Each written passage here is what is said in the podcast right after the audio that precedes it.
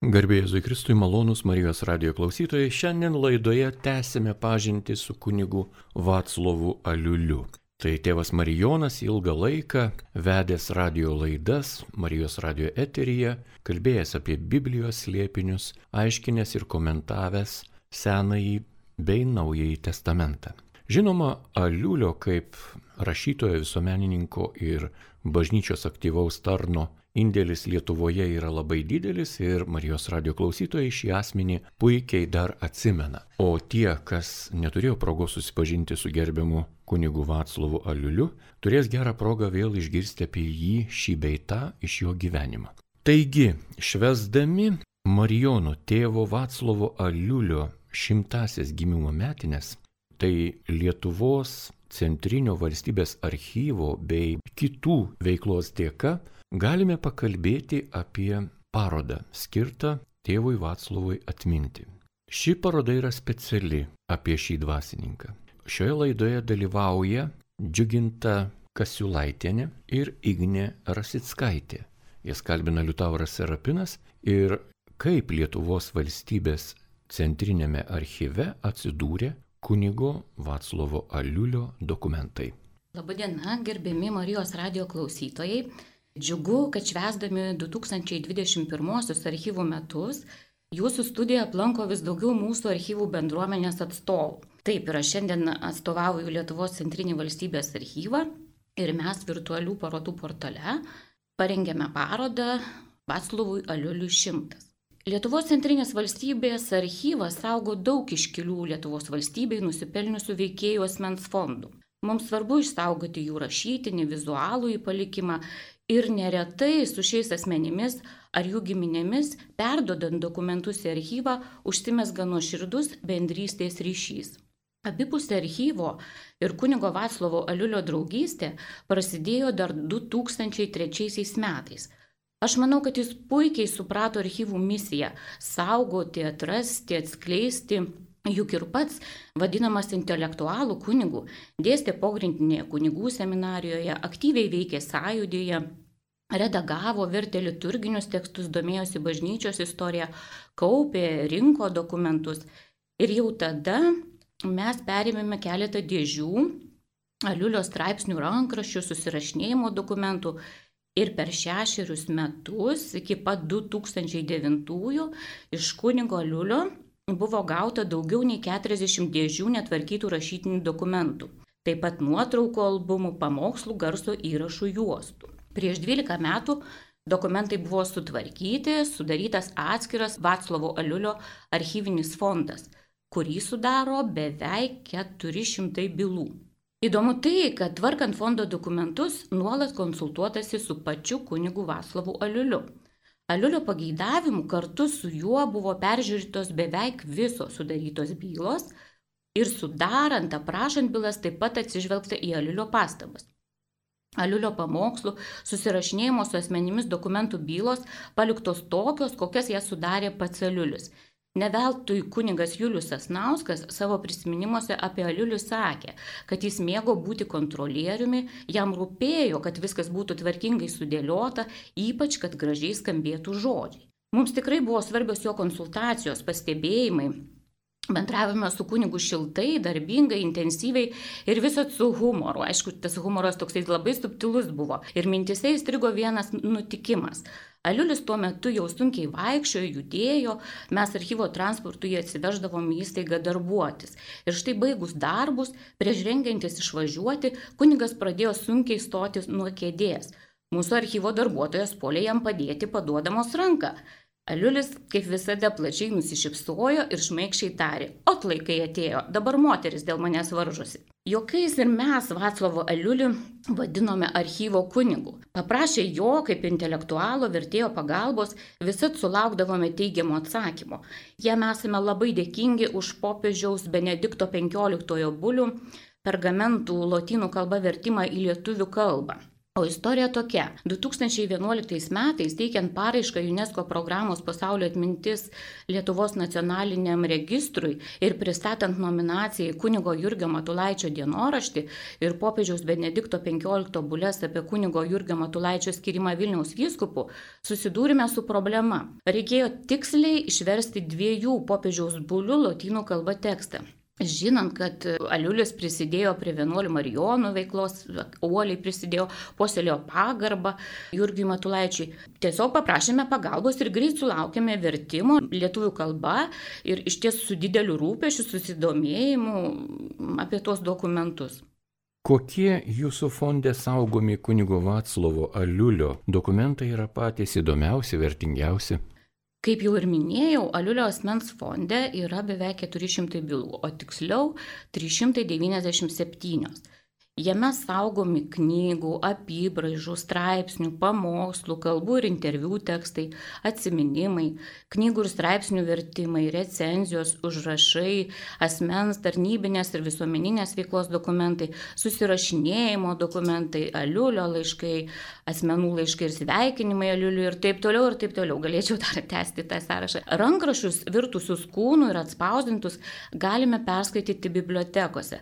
Tad man asmeniškai įdomiausi pamokslų tekstai, pamaldų eigos aprašymai, dienorašiai ir laiškai. Kai kuriuos jų galima išvysti ir virtualioje parodoje. Štai viename Aliulio 1974 m. pamoksle, pavadintame, kad sunkumai ir skausmas mus keltų, nuskamba frazė.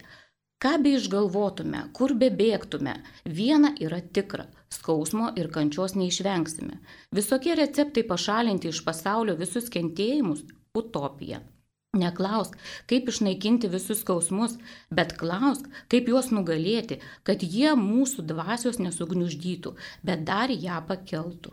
Argi nepatarimas pritaikomas ir šiandieninėme pasaulyje, šiandieninėme gyvenime? Aš taip pat išskirčiau ir su sąjūdžio veikla susijusius dokumentus. Jie įdomus, liūdė aktyvų kunigo dalyvavimą, atkuriant nepriklausomą Lietuvos valstybę. Kunigui Vaclavui Aliuliui labai rūpėjo, kad Lietuvos kunigai aktyviai dalyvautų Lietuvos persitvarkymo sąjūdžio veikloje. Jis net kreipėsi tuo klausimu į kardinolą, arkivyskupą ir vyskupus.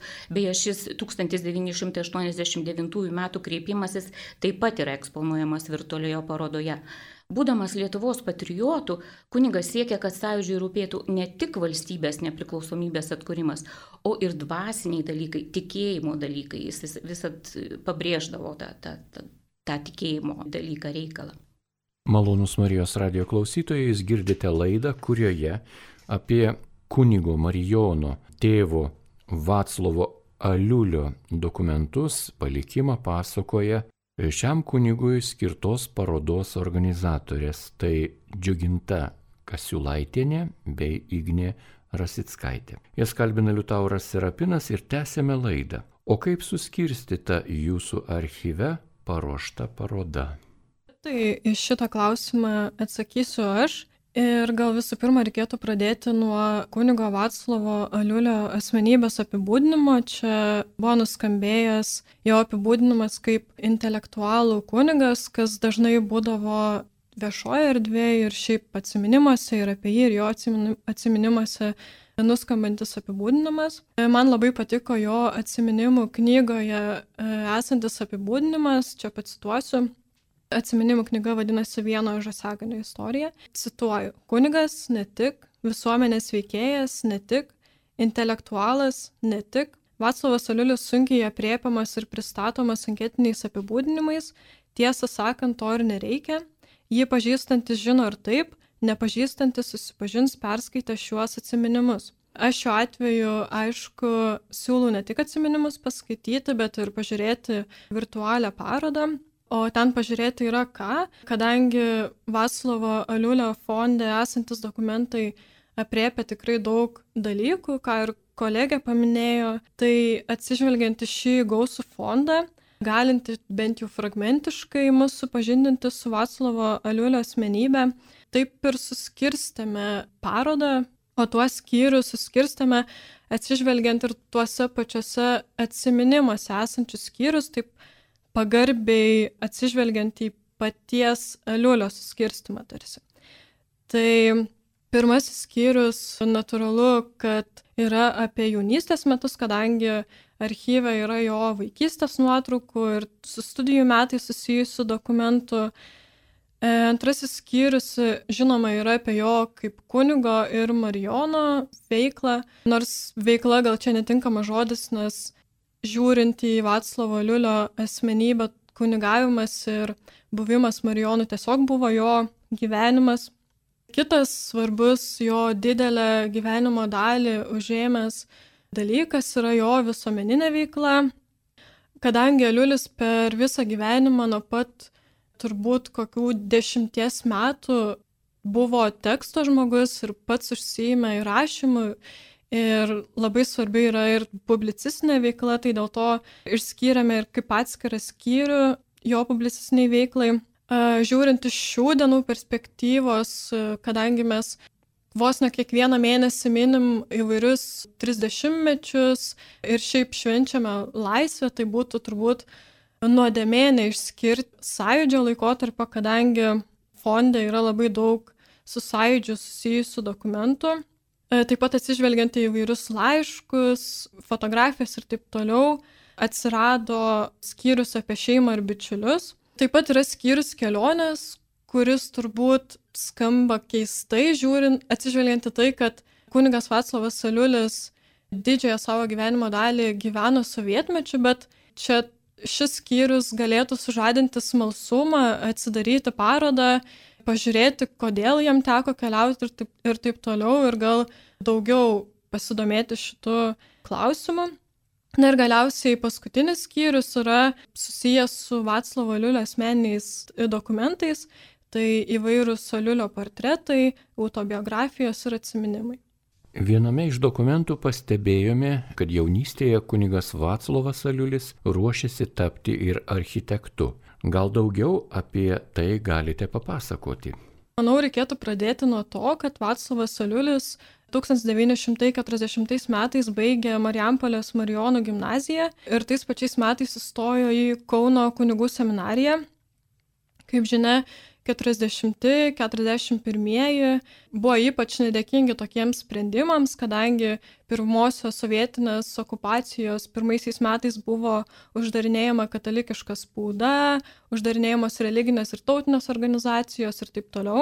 Taigi, įstojęs į kunigų seminariją, Aliulis suprato, kad čia bus negerai ir kartu ir tai suprato ir jo kurso draugai, filosofijos kurso draugai tai seminarijos vyresnybės leidimu jie su kitais kurso draugais įstojo dar ir į universitetą. Kaip žinia, ir universitetui buvo chaotiški ir nedėkingi metai, kadangi į ką tik atgautą Vilnių buvo perkeltas humanitarinių mokslų fakultetas, teisės fakultetas, e, teologijos filosofijos fakultetas buvo uždarytas, o kiti fakultetai liko Kaune. Ir kadangi Vaclavas Aliulis buvo apsistojęs Kaune, ten buvo įstojęs į kunigų seminariją, tai jisai nusprendė, kad liks Kaune ir tiesiog stos į architektūrą. Ir pavyzdžiui, atsiminimuose jisai sako, kad jį traukė filologija, literatūra, bet kadangi humanitarinių mokslų fakultetas buvo perkeltas į Vilnių, tai automatiškai šių specialybių studijuoti neturėjo galimybės, o architektūrą Liulis pastudijavo vienerius metus. Tuos metus baigė gerais pažymiais, labiausiai jam patiko braižyba, taip pat meno istorija, kurią dėstė daktaras Jonas Grinius. Taip pat tie architektūros metai nenuėjo veltui, kadangi buvo Vaclavas Aliulis tikrai imlus visiems dalykams, tai galėjo panaudoti architektūrinės žinias ir būtyje, tai ten tarkim kokį būto planą papaišyti ir taip toliau. Na, o svarbiausias gal dalykas kad Aliulis e, nenutraukė ryšių su bičiuliais iš architektūros studijų, kurias pastudijavo tik tai metus, bet toliau tęsė draugystę ir susirašinėdavo, bendraudavo ir taip toliau. Kaip atsirado Vaclovo Aliulio gyvenime kunigystės ir vienuolystės kelias? Jeigu taip plačiai pažiūrėtume, tai Vaclavo Aliulio, Vaclavo Aliulio šeima buvo pamaldus žmonės, taip pat jo tėtis buvo giedorius ir gėdodavo namuose ir prie tėčio gėdoti prisijungdavo ir vaikai, aliulių vaikai. Taip pat nepaminėjome, kad Vaclavas Aliulis augo vaikystę praleido Krekštienų kaime, Alitaus rajone. Tai irgi jam kaimiškais darbais tekdavo užsiimti. Ir tie kaimiški darbai turbūt iš šių dienų akių atrodo visai taip svajingai romantiškai, kadangi jam teko karvės, avis ganyti, taip pat net septynias vasaras žasis ganė. Ir kaip tai susijęs su pašventimu, tai Vasavas Aliulis, būdamas ten septynmetis, dešimtmetis į laukus, į pievas atsineždavo ir spaudos paskaityti. Tai vienas iš esminių buvo jezuitų leidžiamas žurnalas Žvaigždutė, kuriame Aliulis susižavėjo įvairiais šventaisiais ir taip toliau ir taip susipažino su dvasiniu pasauliu. Ir atrodo taip dalykai susidėliojo, kad vos nenatūralu tapo, kad jisai stosi kunigų seminariją. Ir 33 metais, būdamas 12, įstojo į Marijampolės Marijonų gimnaziją. Tiesa, verta paminėti, kad iš pradžių mokėsi Varnagirių pradžios mokykloje. E, pirmosius įžadus davė 16, tai 37 metais. Ir buvusiame klausime minėjau, kad 40-aisiais įstojo į kunigų seminariją, 44-ais buvo išventintas į kunigus ir po metų baigė studijas. O kokios asmenybės supo tuo metu kuniga Vaclovą Aliulį? Aš kadangi neturėjau galimybės gyvai susipažinti su kunigu Vaclovu Aliuliu, tai įspūdį esu susidariusi tiek iš Centrinėme valstybės archyve esančio fondo, tiek iš jo atsiminimų ir iš žmonių, kurie apie jį rašė atsiminimus ir viešosios erdvės ir taip toliau. Taigi, atsižvelgiant į tai, kad e, Vaclavas Soliulis aktyviai užsėmė visuomeninę veiklą, plačiaja prasme, tai bičiulių, draugų ir pažįstamų tikrai visą gyvenimą jis supo begalę.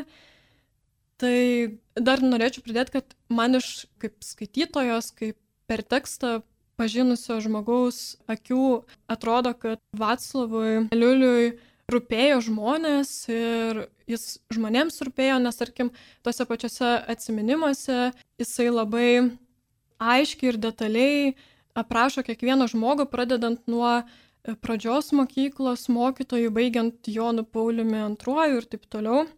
Tai čia toksai įkvepiantis dalykas ir dar vienas įkvepiantis dalykas, kad Vaclavas Soliulis tų draugys labai puoselėjo tas draugystės ir bičiulystės ir per visą gyvenimą jos tęsiasi. Ir tas įspūdingas irgi faktas, kad su architektais draugais bendravo visą gyvenimą.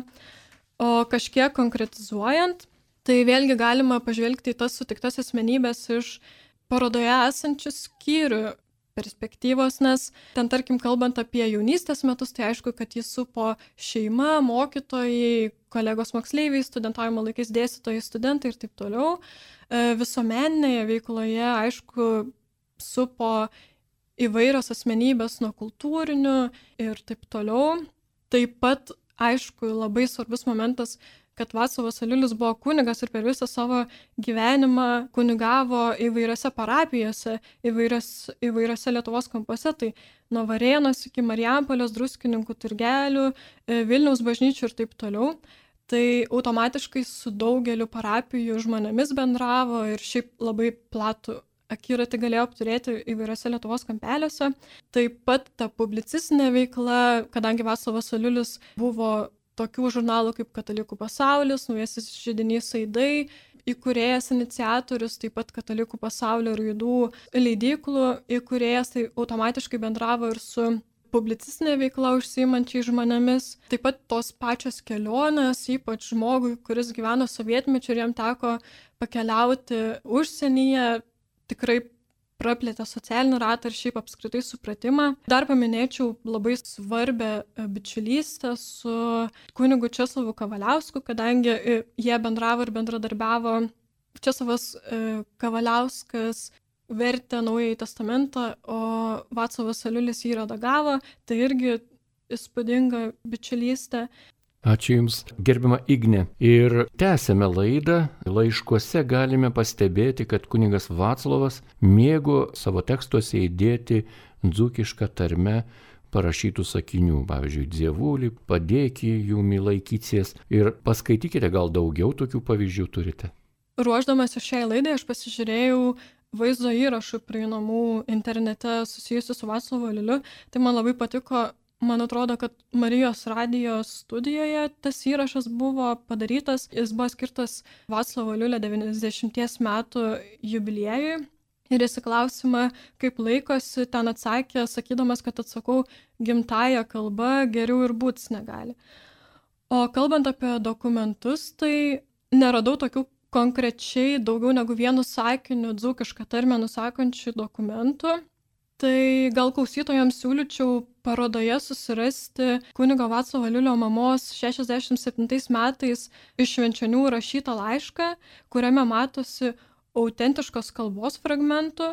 Ir čia turbūt fantazijos reikalas, bet skaitant šį laišką atrodo, kad jauti ne tik šilumą sklindančią iš mamos sūnui rašytų žodžių, bet ir pastangas tvarkingai ir lygiai parašyti laišką ir tarsi atrodo, kad rodoma didžiulė pagarba sūnui, sūnui, kuris yra kunigas. Ir prie to paties paminėsiu, kad Aliulio fonde radome labai mielą atviruką skirtą mamai, kuriame parašyta mano mielai mamutai, sulaukus šiandien 70 metų didžiulė padėka. Tai 59 metų laiškelis ir tai neparodo dzūkiškos kalbos, nebent jeigu gerai skaičiau parašytą mamutai, bet parodo galbūt jau mūsų 21 amžiaus žmonių akiai ir ausiai neįprasta, tokia net sakyčiau, tarpukariu alsuojančią pagarbą vienas kitam. Kaip pakomentuotumėte kunigo Vaclovo siūstus laiškus? Kunigo Vaclovo Liulio laiškus galima suskirstyti į kelias grupės pagal adresatą. Vieni oficialūs laiškai, kupini bažnytinių reikalų išmanimo, išminties yra viskupams, kunigams, redaktoriams liturginių ir biblinių leidinių leidėjams, o kiti artimiesiems šeimos nariams, bičiuliams ir bičiulėms, kaip jis vadindavo savo bendravimo rato žmonės. Pastaruosiuose laiškuose, kaip jau ir minėta, galima tikrai rasti dzūkiškos tarmės apraiškų, tai mažybinių maloninių daiktavardžių.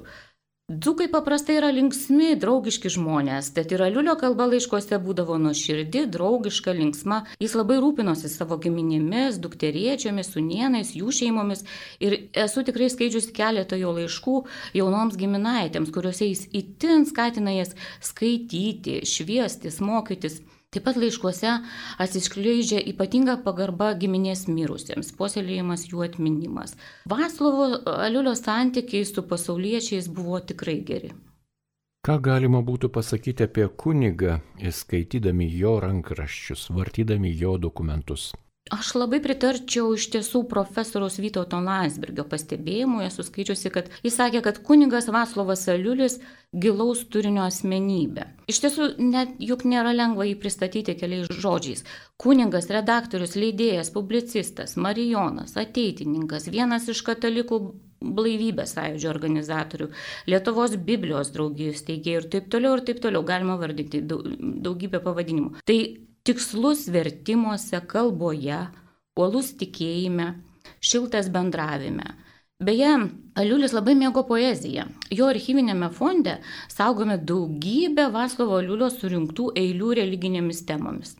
Kodėl kunigas saugojo visokius raštelius, kvietimus, sveikinimus, įvairius juodraščius, kiek tai svarbu saugoti valstybinėme archyve? Perimdami saugoti asmens fondą visada atsižvelgiame į asmens norus, pageidavimus, lūkesčius ir tikrai egzistuoja fondų tvarkymo metodika, taisyklės, kuriomis vadovaujamės ir dirbame. Bet kartais, išlaikant autentiškumą, dalį taip vadinamo fondų sudarytojo, jau sukurtų sudarytų bylų nepertvarkome. Jos paliekamos tokios, kokios buvo sudarytos iki dokumentų perdavimo Lietuvos centriniam valstybės archyvui. Tik pačiose bylose susisteminami dokumentai - rašteliai, kvietimai palinkėjimai, sveikinimai, taisyti rankrašiai gali būti įdomus tyrinėtojami įvairiausiose kontekstuose.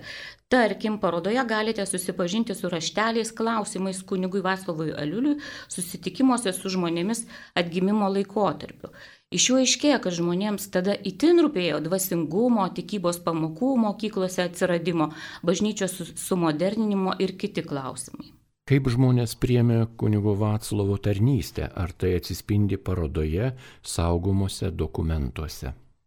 Kur buvo klausimas susijęs su kunigo Vaclovo Liulio dvasišku dvasiniu keliu, tai akivaizdu, kad tas dvasinis kelias prasidėjo labai anksti Ir skaitant dokumentus, juos vartant, žiūrinėjant ir taip toliau, sudaro įspūdis, kad e, žmonės e, Vatsavo Liulio tarnystę priėmė kaip natūralų ir vos nesavaime suprantamą dalyką. Tiesiog būna žmonių, kurie atrodo, kad įsėda į savo rogės ir nugyvena gyvenimą užsimdami mėgstamą ir širdžiai mielą veiklą ir atrodo, kad Vaclavas Aliulis buvo toks žmogus, nes ir dokumentai, laiškai, atsiminimai ir taip toliau alsuoja dvasiniu gyliu. Ir, sakykime, kalbant apie giminaičių jam rašytus laiškus, tai vis, visuomet kreipiamasi mielas klebonėlį, mielas kunigė, gerasis tevelį, gale laiško prirašomi žodžiai su pagarba, pagarbi ir taip toliau. Ir galbūt iš dalies tai laikmeti atliepintis pagarbios kultūros laiškose palaikymo dalykas, tačiau akivaizdžiai juntamas ir toks gerąją prasme tarnystės sureikšinimas. Kaip ir minėjau, kadangi patys artimiausia liulio tarnystė ir kunigystė bent jau laiškose priėmė kaip natūralų dalyką, tai žmonės, su kuriais Aliulis susiduria, užsimdamas kokią nors kultūrinę veiklą ir taip toliau, jo kaip kunigo statusą, tuo labiau priėmė kaip savaime suprantamą dalyką, ne veltui jis ir buvo laikomas intelektualų kunigu. Taip pat jo gausią veiklą atliekantis dokumentai rodo, kad jis buvo gerbiamas, visur kviečiamas, kai kuriais laikotarpiais net graipstomas, jau galima tai pasakyti, ir kad jo buvo pasitikima. Ką jūs naujo supratote apie bažnyčios ir kunigų gyvenimą, kai tvarkėte Vaclovo Aliulio dokumentus? Stebina kunigo erudicija, apsiskaitimas, darbštumas. Jis iš tiesų buvo poliglotas ir tolerantiškas kitokių pažiūrų žmonėms. Tačiau nenorėdama perdėtai idealizuoti, Paminėsiu tokį akcentą. Aliulis daug dėmesio skyrė lietuvių kalbai. Kai tvarkėme dokumentus, jis kruopšiai tikslino bylų antraštės, pabrėždavo kalbos taisyklingumo svarbą. Sulaukdavome pilos ir kritikos, būtent dėl lietuvių kalbos. Ir kaip to įrodymą galiu pacituoti parodoje eksponuojama 1971 m. Aliulio laišką aktoriai Eugenijai Plieškytei. Jis rašo, jums rašo tas dėdulė, kuris buvo užėjęs pasakyti labo vakaro Kaune prieš trešnių skonį. Palinkėjote man kantrybę žiūrint spektaklį. Jos nereikėjo. Man įdomu pasižiūrėti įvairių žmonių bėdų, kad ir tokių, kurios manęs neliečia. Iš širties pasijokiau dėl lakaus humoro, komiškų situacijų, jūsų metamorfozės pasigėrėtinos ir dainavimas malonus. Domiuosi kalbos dalykais ir užtikrinu jūs, kad pasakykite, prašau, yra kalbos pikdžiolė. Turi būti, prašom pasakyti, prašau šią pastabą perduoti vertėjui ir literatūriniam redaktoriui, jei teatras tokį turi. Atkreipkite dėmesį, sovietmetis 1971 metai. Aš apskritai manau, kad galbūt Liulis kol kas nėra deramai įvertintas tyrinėtojų, bažnyčios istorijos sąjūdžio istorijos tyrinėtojų ir aš labai tikiuosi, kad ateis laikas, kai, kai jo asmenybė bus tinkamai pagerbta ir įvertinta kiek gali būti laisvai prieinamas kunigo Vatslovo Aliulio rankraštinis palikimas plačiai visuomeniai. Įdomu yra tai, kad iš pradžių su Vaslovo Aliulio fondo dokumentais jam gyvam esant buvo galima susipažinti tik su jo žinia. Buvo jo tokia valia, kad, kad kas nori skaityti, tyrinėti, atsiklausė jo ir, jis, ir ta, jisai tas žmogus gali e, laisvai tyrinėti, skaityti, jeigu pritarė tam kunigas. Po kunigo mirties rankraštinis palikimas laisvai yra prieinamas plačiai visuomeniai ir jeigu atsiras norinčių susipažinti su jo fondo dokumentais, tikrai mielai kviečiame po karantino į Lietuvos centrinio valstybės archyvo skaitiklas. Šioje laidoje labai daug aptarėme teigiamų tokių įvairiausių patyrimų ir ko kito, kaip Vaclovas Aliulis tvarkė sakykime, intelektualinius poreikius ir savo, ir bendražygių, artimųjų, arba rašė, arba skaitė, arba ruošė dokumentus, ar parodoje yra atspindėti Vaclovo Aliulio priešai, tie, kurie galbūt jam kenkė eiti kunigystės keliu, arba jį kaip nors persekiojo ir panašiai. Ko gero nėra, žinokit. Taigi tęsime laidą, liko kelios minutės ir dar vis norisi paklausti, Gal ruošiate parodą ir apie kitus kunigus, kurių dokumentus saugo Lietuvos archyvai?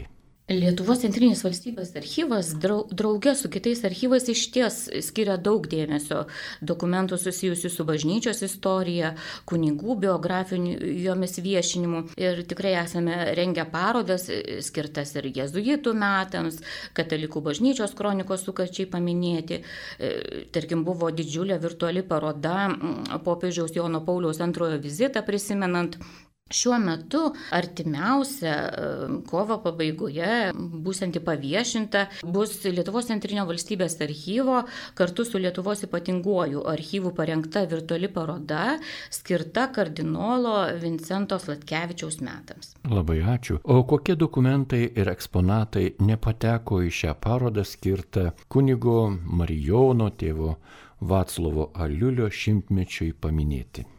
Čia paminėsiu net ne dokumentus, o muziejinių eksponatų kategorijai pritinkančius objektus. Tai Vatsovo Liulio kelionių knygelės, bent jau fonde saugoma nemenka krūva tų knygelių ir jos įspūdingos ne tik vizualinė prasme, bet ir savo turiniu, kadangi tai tokie paprasti, paprasti dokumentai, leidžiantis paprastam žmogui susitapatinti su kunigu Vaslovu Liuliu, kadangi ten yra išrašyti paprasčiausi dalykai, ten tarkim, kad reikia pasiimti koinas, lėktuvo bilietą ten ir taip toliau. Bet, nu, kadangi čia yra virtuali paroda, tai tokį e, dalyką būtų sunku perteikti virtualiai. Dar vienas e, man asmeniškai įspūdingas dokumentas e, buvo jo brolio, man atrodo, Antano laidotuvių aprašymas ir iš vienos pusės čia gal atrodo toksai kunigiškas dalykas ir žmogus, kuris šiaip mėgdavo viską fiksuoti dalykas, bet iš kitos pusės tai svarbus šaltinis, nes iš šito šaltinio galima ir laikmečio dalykų pažiūrėti, kažkokių laidojimo tradicijų ir taip toliau. Na ir pabaigai, mielos viešnios, džiuginta ir Igne, priminkite, kur galima pamatyti šią parodą, kaip ją galime pasiekti ir iki kada paroda veiks. Tai pasiekti galite virtualių parodų portale, archyvų virtualių parodų portale. Tiesiog paspaudus www.archyvai.lt išvysite nuorodą, kur yra skelbiamos virtualios parodos ir ji ne, neturi terminų, ji jau dabar internete, tai visam laikui. Pridėsiu, parodoje vis tiek yra įdėti tokie fragmentiški dalykai susiję su Liulio asmenybė, tai man atrodo, kad tokių parodų tikslas yra suteikti norą daugiau pasidomėti asmenybę ir šiaip laikmečių, nes Vaclavas Aliulis gyveno ir tarpukariu, ir sovietmečių, ir nepriklausomybės laikotarpiu, tai galbūt paroda sužadins norą paskaityti atsiminimus ar pažiūrėti toj pačioj e, YouTube'ai kažkokius vaizdo įrašus ar su sąidžiu susijusius ir taip toliau. Malonus Marijos radio klausytojai, jūs girdėjote laidą, kurioje apie Marijono kunigo tėvo Vatslovo Aliulio šimtasias gimimo metinės ir jų minėjimą parodos formate pasakojo Lietuvos centrinėme valstybės archyve surenktos parodos organizatorės Džiuginta Kasiulaitienė ir Ignė Rasitskaitė. Jas kalbino Liutauras Serapinas, likite su Marijos radiju.